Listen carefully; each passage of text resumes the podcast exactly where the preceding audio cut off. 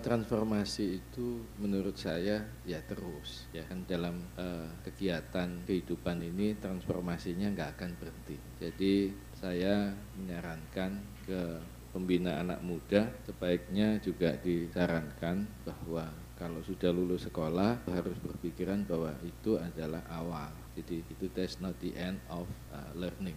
Jadi is the beginning of the learning process. Ini kan sekolah itu menurut saya secara formal ini kan mengajari orang untuk mempunyai framework of thinking gitu di bidang masing-masing. Nah setelah itu ya harus terus belajar ya karena perubahan dunia, transformasi dunia dan apa pun juga itu akan terus berkembang dan sebagainya. Uh, saya tadi waktu lewat ke sini itu ada ditulis di iklan di depan itu di Atma Jaya itu intinya kira-kira kalau saya baca itu kenapa nggak melanjutkan ke pasca sarjana dan sebagainya. Nah kalau saya boleh cerita gitu ya, waktu saya lulus uh, sebagai akuntan itu tahun 86. Jadi itu 33 tahun yang lalu. Apa yang saya pelajari 33 tahun yang lalu itu mungkin hanya framework of thinkingnya saja yang masih ada, ya, yang masih tersisa sampai sekarang. Tapi isinya apa, ya, terus e, perubahannya bagaimanapun itu yang saya pelajari 33 tahun yang lalu setelah saya lulus sekolah atau 37 tahun yang lalu gitu ya waktu saya mulai menjadi mahasiswa itu sudah nggak relevan menurut saya ya. Sama sekali tidak relevan.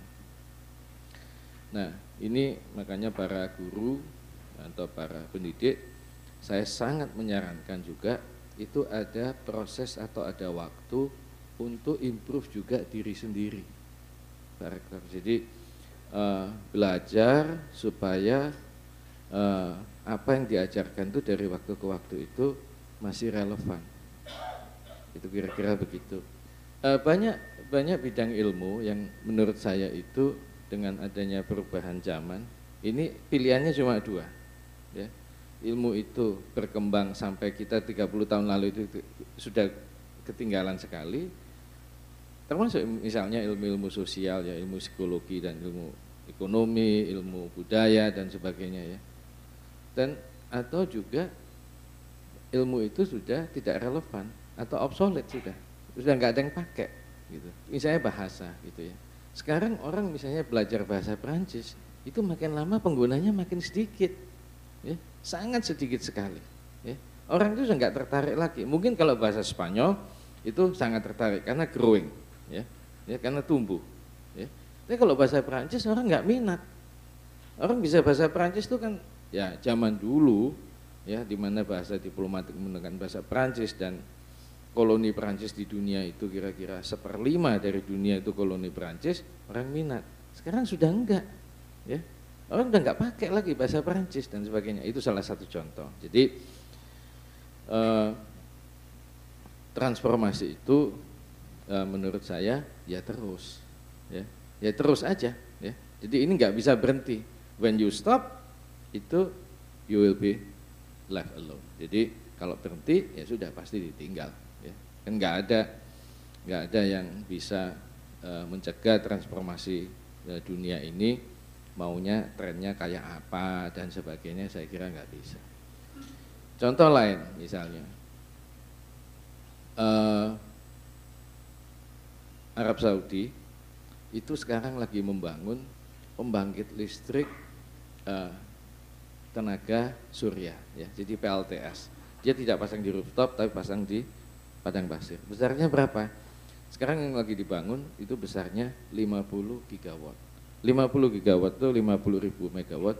Kapasitas terpasang Indonesia, baik yang dikelola oleh PLN maupun dikelola sendiri, itu kira-kira maksimum sekarang 75 megawatt. Eh, gigawatt, 75 gigawatt, seluruh Indonesia. Ya. Ini Saudi bangun 50 gigawatt. Ya. Dua per tiga dari kapasitas terpasang Indonesia sampai saat ini. Kenapa? Mereka ingin bahwa pembangkit listrik mereka itu menggunakan energi bersih. Padahal kita tahu bahwa uh, Saudi itu salah satu sampai sekarang itu penghasil atau produsen minyak terbesar di dunia. Salah satu, ada tiga besar yang kapasitasnya kurang lebih 10 juta barel, itu Saudi, Rusia, dan Amerika Serikat. ada cerita lain. Amerika Serikat sendiri itu tidak pernah dibayang, mereka membayangkan sejak Amerika Serikat itu ada sebagai bangsa atau sebagai negara sampai hari ini itu bisa menjadi salah satu produsen minyak terbesar di dunia. Ya, nggak pernah, karena ada teknologi, uh, ada teknologi yang luar biasa perkembangannya, makanya mereka bisa mengekstrak minyak dari uh, yang istilahnya di sini itu adalah dari rock, ya, dari batu karang. Jadi ada shell oil, ada shell gas yang produksinya itu besar sekali. Nah ini ini berubah ya. Begitu Amerika Serikat bisa produksi 10 juta, ya mereka masih impor sih, mungkin kira-kira tergantung musim ya, 6 juta, 8 juta barel sehari gitu masih impor. Ya. Tapi politiknya, geopolitiknya berubah. Ya. Geopolitiknya berubah. Makanya mereka anu, terus ribut aja gitu ya dengan Iran ya, terus dengan Tiongkok juga ribut dan sebagainya. Nah, 30 tahun yang lalu kita tidak pernah juga membayangkan bahwa Tiongkok itu berani ribut dengan Amerika Serikat itu nggak ada ya zaman dulu ya. Kalau perang dingin ya perang dingin aja gitu ya, tapi nggak ribut. Kalau sekarang ribut frontal ributnya ya, ributnya frontal. 30 tahun lalu nggak ada ya. Kenapa nggak ada? Karena 30 tahun yang lalu itu Tiongkok kapasitas ekonominya atau kemampuan bangsa itu secara internasional sangat amat jauh tertinggal 30 tahun yang lalu. Sekarang berubah ya. Ini dunia ini sudah berubah banyak sekali. Nah, ya kita secara fisik sih juga berubah ya, tambah tua tapi, ya. tapi itu kan pilihan ya gitu. Nah, eh, sekali lagi saran saya ini di bidang masing-masing itu itu harus improve. At least at least sekurangnya Anda improve cara bagaimana mentransfer atau berkomunikasi tentang apa yang ingin kita lakukan. Sekurangnya itu adalah tata caranya. Contoh, saya cerita yang tentang agama Katolik aja karena saya mulai agama Katolik. Menurut saya, dan saya juga ngomong dengan para uh, para uskup, saya juga ngomong, ini sebaiknya uh, ada kegiatan yang di luar dogma yang di luar dogma itu yang bisa menarik kaum muda untuk terus melanjutkan ibadah secara katolik. Kalau secara substansi tidak ada transformasi, tapi sekurangnya the way we deliver the the issue or the substance itu harus juga berubah gitu.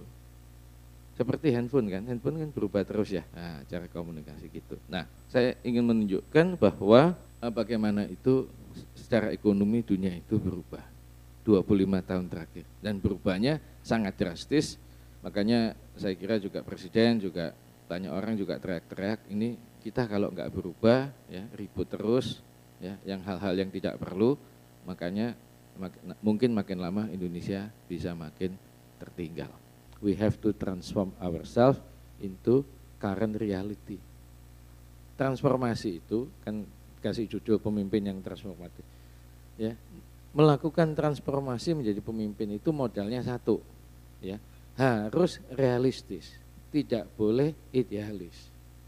Kalau idealis itu ya ya mungkin jadi rektor itu ya idealis ya. Enggak tahu saya pak. Ya, ya itu kalau tidak realistis tidak bisa melakukan transformasi. Ya, maunya sendiri kok tidak maunya dunia. Transformasi sekali lagi, you have to start from reality. Ya. Tidak ada transformasi yang pernah berhasil itu yang startnya dari idealisme, nggak ada. Ya, harus start dari reality. Ya, kalau if you don't accept reality, you will never be able to transform. Kalau pandangan saya. Ya. Kalau transformasinya mau Ya, kalau Anda bilang, Pak ini soalnya ini dogma, ini apa? Eh, enggak, saya kira itu cuma cara aja sih. Ya, cara aja untuk transform. Tapi selalu transformasi itu realita. Pernah lihat videonya Jack Ma enggak waktu dia di uh, anugerahi gelar doktor honoris causa oleh Hong Kong University. Ini ini speech ini sih sangat anu ya, sangat strong ya. Karena diucapkan oleh orang yang hanya sekolah formalnya sampai sekolah menengah saja, tidak pernah di sekolah tinggi dan ini salah satu orang yang yang sangat apa namanya ya mungkin salah satu orang yang paling kaya ya di dunia saat ini. Uh, Alibaba itu uh, sebagai perusahaan nilai nilai pasarnya ya nilai pasar perusahaan itu hari ini itu sama dengan seluruh nilai pasar perusahaan yang tercatat di Bursa Efek Indonesia. Padahal yang tercatat di sini itu yang dirikan ada yang sekolah Atmajaya, ada yang sekolah mana ya gitu.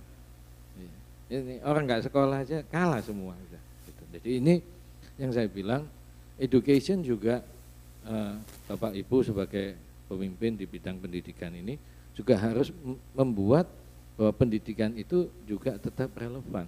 Ya. Orang sekolah itu bukan karena untuk cari kertas aja, gitu. Ya, gitu. Tapi lulusan di sini yang dia yang saya pikir sih ya itu lulusan sekarang itu harus lebih baik dari lulusan Atmajaya 10 tahun yang lalu atau 20 tahun yang lalu dan sebagainya. Saya kira itu ya. Jadi ini yang uh, menurut saya sangat relevan. Terus nilai perusahaan 2008 dibanding 2018. 2019-nya belum keluar. Ya bisa sih lihat harian tapi doesn't tell completely. Saya selesai di Citibank 2008, itu kalau kita lihat di sini ya, ini 10 perusahaan terbesar di dunia di tahun 2008 dan 18. It changed a lot. 10 tahun ya, hanya 10 tahun saja.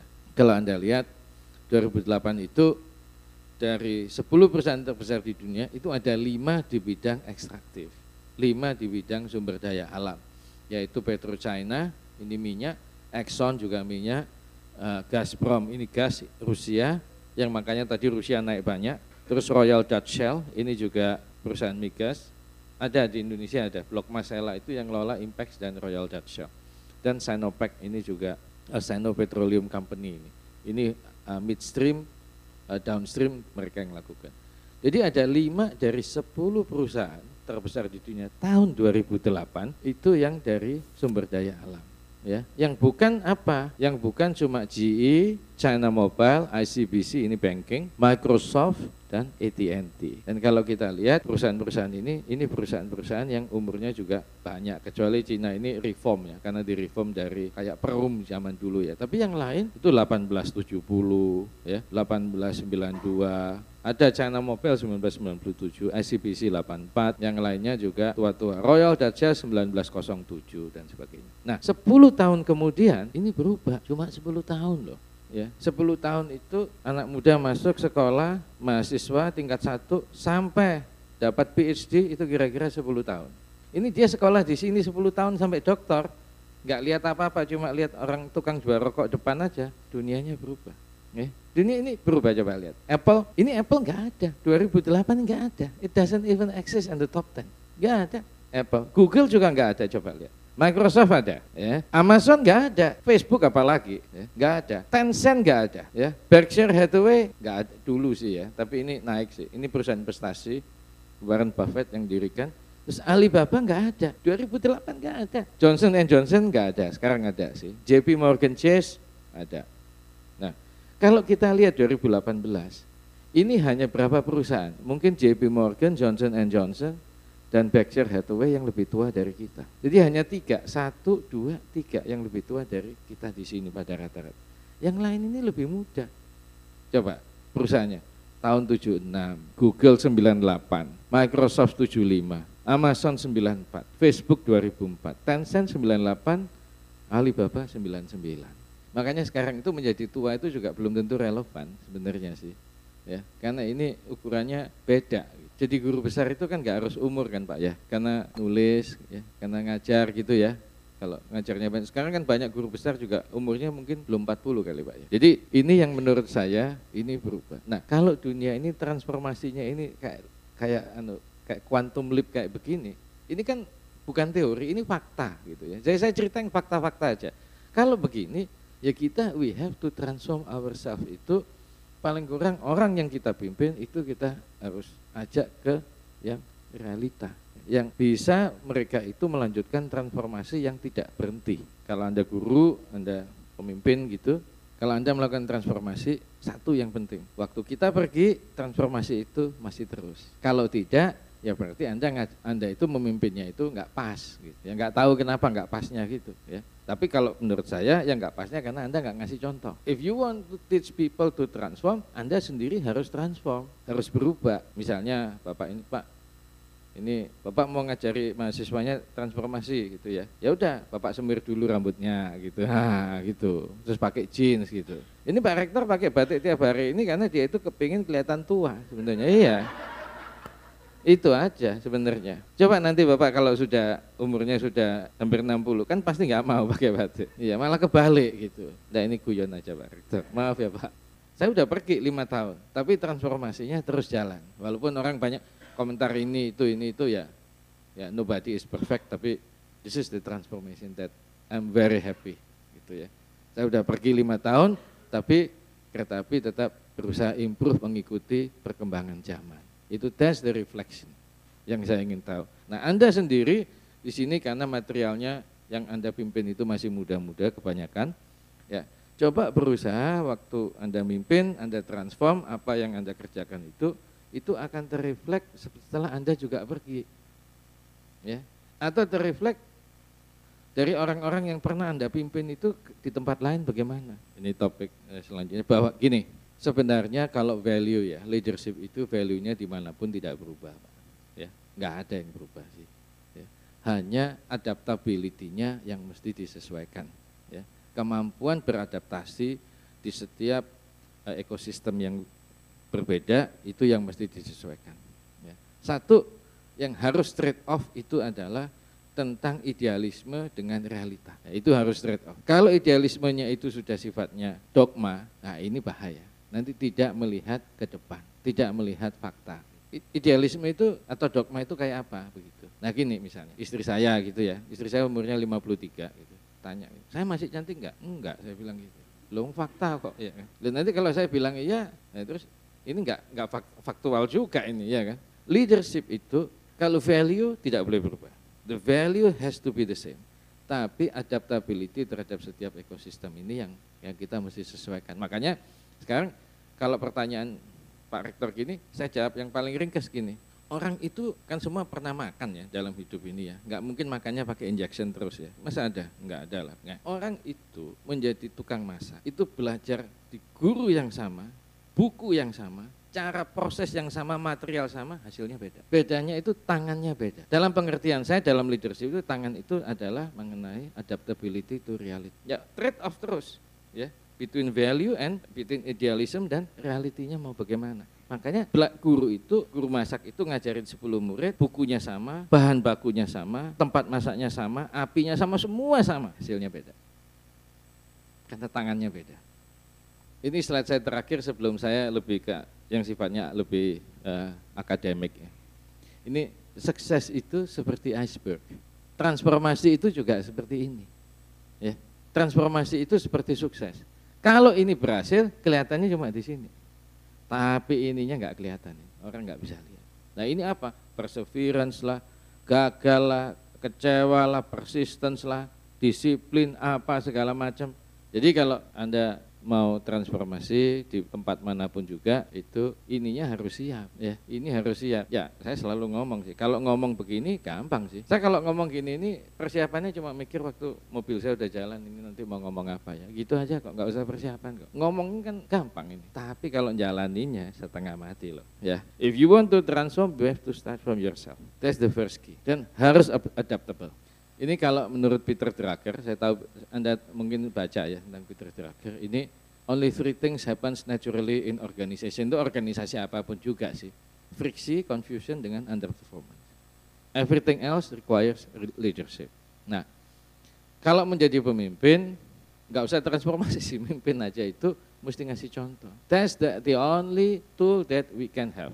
Kalau yang lain tidak punya, pengetahuan lengkap tidak punya, pengalaman teknis tidak punya, apa tidak punya, ngasih contoh. Coba kita lihat zaman dulu banyak pemimpin yang kalau kita lihat sejarah ya, Itu kan pemimpin itu muda-muda loh. Kayak misalnya Laksamana Malahayati, ya, pemimpin perempuan eh, Panglima Laut perempuan dari Aceh. Umurnya berapa cuma? Ya, Adi Sucipto umurnya berapa? Jenderal Besar Sudirman umurnya berapa? Masih muda-muda. Makanya mereka itu ngasih contoh. Itu kenapa mereka bisa menjadi pemimpin besar? Karena ngasih contoh. Leadership itu by example. Kalau mau yang dipimpin berbuat apa, ya yang mimpin juga harus berbuat yang sama. Masa latihan tinju dengan orang yang nggak pernah jadi petinju ya kan? Lo kan keliruin. Sama dengan pemain bola, pengurus bola itu banyak yang nggak pernah main bola, jadi makanya berantakan. Kalau di misalnya Jerman gitu ya, itu pelatihnya pasti bekas kapten, kapten timnas Jerman ya. Perancis juga kan, gitu. Kalau percaya transformasi itu in a very big thing, mau di birokrasi, mau di uh, non-profit organization, saya selalu ngutip apa yang, yang ditulis oleh Napoleon Bonaparte. Jadi Pak Rektor lebih baik Bapak punya guru di sini, punya dekan, kepala jurusan segala itu kayak singa Pak, tapi 100 gitu cukup. Jadi nanti muridnya anjing juga pasti belajarnya fightnya kayak singa Pak. Tapi kalau sebaliknya masih yang masuk itu singa semua, tapi gurunya itu kayak anjing. Nah, nanti belajarnya kayak anjing semua, Pak. Uh, Napoleon adalah uh, salah satu uh, tokoh militer yang sangat legendaris ya. Ini ya among others ini kan orang Superman ini ya. Bisa bikin undang-undang kayak misalnya undang-undang perkawinan yang kita adopsi sampai di Indonesia itu adalah undang-undang yang diterapkan sejak zaman penjajahan Belanda dan itu yang bikin adalah Napoleon. Undang-undang pokok agraria sampai tahun 1961 kalau nggak salah, itu ada diadopsi dari undang-undang agraria di Prancis yang bikin itu Napoleon. Jadi kalau perang dulu malam nggak perang ya, nulis ya, bikin undang-undang apa? Undang-undang pos ya. Nah pendidikan mulai SD ada pendidikan SD, SMP, SMA itu yang bikin standarnya itu Napoleon yang bikin. Jadi ini ini orang hebat lah ya. Ini panglima perang ya, negarawan ya, dan sebagainya. Nah, ini saya pikir bolak-balik ya. Saya pernah, mungkin saya pernah uh, jelaskan di sini. Uh, leadership itu apa? Ini basic sekali. Leadership itu adalah responsibility. Ini dulu, ya. Ini dulu. Leadership is responsibility. Titik. Tidak ada komanya. Kalau ini tidak bisa terima, eh, judul yang dikasih oleh Atma Jaya pagi ini ke saya menjadi pemimpin transformatif, transformasinya pasti nggak bisa jalan. Ya. Dan sekarang itu menjadi pemimpin harus transformatif, mau tidak mau, because the world is changing very fast and continuously. Mau tidak mau, harus. Nah Anda sebagai guru, sebagai dosen dan sebagainya, ya harus. Mungkin satu hari di banyak universitas eh, di dunia ya, di lembaga pendidikan tinggi dunia, itu pengajar itu come and go. Dia fokus satu subjek atau dua subjek atau satu tema gitu, selesai ya dia pergi. Dia nggak akan jadi dosen permanen. Dan universitasnya juga gitu, kontraknya pendek-pendek karena menyesuaikan zamannya. Nah kira-kira begitu. Di Indonesia saya kira akan terjadi karena ini mendikbudnya mudah kan ya. Uh, kalau di sini saya selalu anu ya seneng ya tulisannya Peter Drucker ini dia punya empat ini. A leader is someone who has follower pasti. Popularity is not leadership, results are. Nah ini, leaders are highly visible, they set example. Ya, harus ngasih contoh. Terus yang keempat, leaders is not rank, privilege, titles or money, it is responsibility. Udah ini aja. Ini bisa dicari sih bukunya di internet segala macam sih. Ini saya baca masih hard copy tahun 2004. Kalau kita baca ini adalah di birokrasi, Pak, ya. Birokrasi ini karena kalau platform platform tata negaranya itu demokrasi, ini popularitas ini kadang diperlukan, Pak. Walaupun saya sendiri juga selalu pikir sih, ya kalau nggak ada hasilnya buat apa gitu, ya. Akhirnya orang itu hanya kepengin cuma jadi pemimpin aja karena populer, hasilnya nggak nggak peduli dia. Ya, ini yang ini yang saya bilang ini trade off antara value dengan reality. Kalau korporasi gampang sih, kan fokusnya satu. Social work juga gampang. Kalau mau transformasi, ini saya ngambil dari bukunya John Kotter, ini Leading Change Why Transformation Efforts Fail. Ini Harvard Business Review, ini art, anu uh, jurnal ya. Maret April 1995 bisa di-download sih sekarang saya kira mungkin udah nggak bayar karena tahunnya 95 ya, udah hampir 25 tahun. Ini ada delapan. Nah, ini saya ngutip soal transformasi ya. Itu there is no substitute for hard work. Enggak ada. Yang nulis Thomas Alva Edison. It doesn't matter. If you want to transform, tidak bisa Anda melakukan transformasi itu walaupun pengajar itu hanya di ruang kelas, nggak bisa. Ya, cuma ngomong nggak bisa. You have to do you have to do some action ya bersama yang anda pimpin apa itu harus pak ya, harus nggak bisa enggak Nggak bisa cuma pakai telex, pakai apa, nggak ada. Kalau enggak nanti hasilnya mengecewakan. Ya ini yang disebut hard work ini.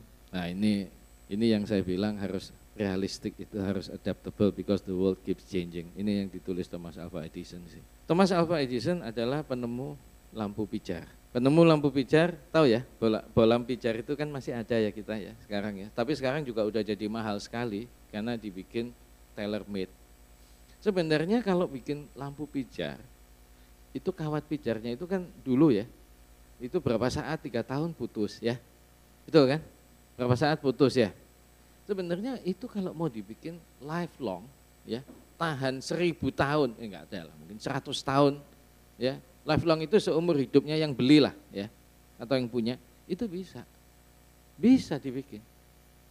Saya sudah ke riset centernya GE di di IRI, mereka bilang bisa, ya. bikin itu bisa. Tapi kalau bikinnya 100 tahun, pabriknya tutup, nggak ada yang beli lagi, ya itu. Tapi mungkin harganya juga 100 kali. Ya, karena kualitinya beda. Ini ini biasanya untuk ya untuk dosen itu untuk akademisi cocok ini. Ya. Kan harus mencintai pekerjaan. Nah, if you want to transform, Anda sendiri passionnya harus sampai ke sini, Pak. Ya. You have to believe on what you are doing. You have to love on what you are doing. Kalau enggak, nggak bisa. Kalau plastik kebaca pasti. Kalau cuma gimmick pasti kebaca. Nah, ini mungkin agak susah ini kalau di dunia akademisi, tapi makanya saya bilang sekarang itu banyak universitas, banyak lembaga pendidikan itu yang pengajarnya itu come and go from any source. Jadi dari sumber mana pun juga, ya. Karena mereka mau create the quality of the the products itu atau students ini when they graduate itu kualitasnya makin lama makin bisa match dengan uh, world expectation atau market expectation. Ya pengajarnya come and go ya macam-macam, tidak harus pengajarnya itu PhD atau apa. Ini yang saya pikir uh, yang saya kutip dari Albert Einstein ini relevan sih. Zaman dulu 25 tahun yang lalu, ya dulunya nggak usah dulu sekali, ya 25 tahun yang lalu itu sekolah itu rating di dunia salah satu yang dinilai adalah apa? Itu jumlah banyaknya pengajar itu yang mendapat anugerah hadiah Nobel. Ya. Nah, zaman dulu kan ditulis tuh ya. MIT tulis tuh Nobel laureate-nya 160 orang gitu. Banyak sekali ya yang dapat penghargaan apa lagi itu ya. Macam-macam. Sekarang berubah. Ya. Coba lihat yang QS World University Pak. Ya, itu kan lain ya. Kebanyakan komen yang bisa dapat ranking tinggi adalah respon daripada student atau daripada masyarakat menilainya bagaimana. Nah, ini. Jadi sekarang market driven ya. Bukan product driven atau production driven lagi. Bukan supply driven, demand driven udah. Nah, ini yang penting. Ya transform ini saya sebagai anggota Dewan Penyantun kadang kalau ikut rapat gitu ya saya juga bilang ya ini mesti terus transformasinya mesti terus. Itu tadi yang saya video pertama itu ekspor. 25 tahun dikejar sama Tiongkok. Kalau mau transform ini ikut ganti kalau mau merubah ya kita sendiri harus juga menjadi perubahan itu gitu. Kalau mau transformasi supaya last long when you go or when your student graduate mereka juga akan tetap berkembang. Kan guru itu bangga. Guru itu adalah human apa namanya human mind transformer sebenarnya. Kalau bisa itu gitu. Jadi guru itu adalah orang yang merubah pikiran manusia gitu ya. Yang mentransform pikiran manusia itu nah kalau punya murid jadi hebat segala macam setelah lulus ya berarti Anda sukses gitu. Ini ditulis oleh John Quincy Adams. Tahu ya John Quincy Adams itu siapa tahu ya?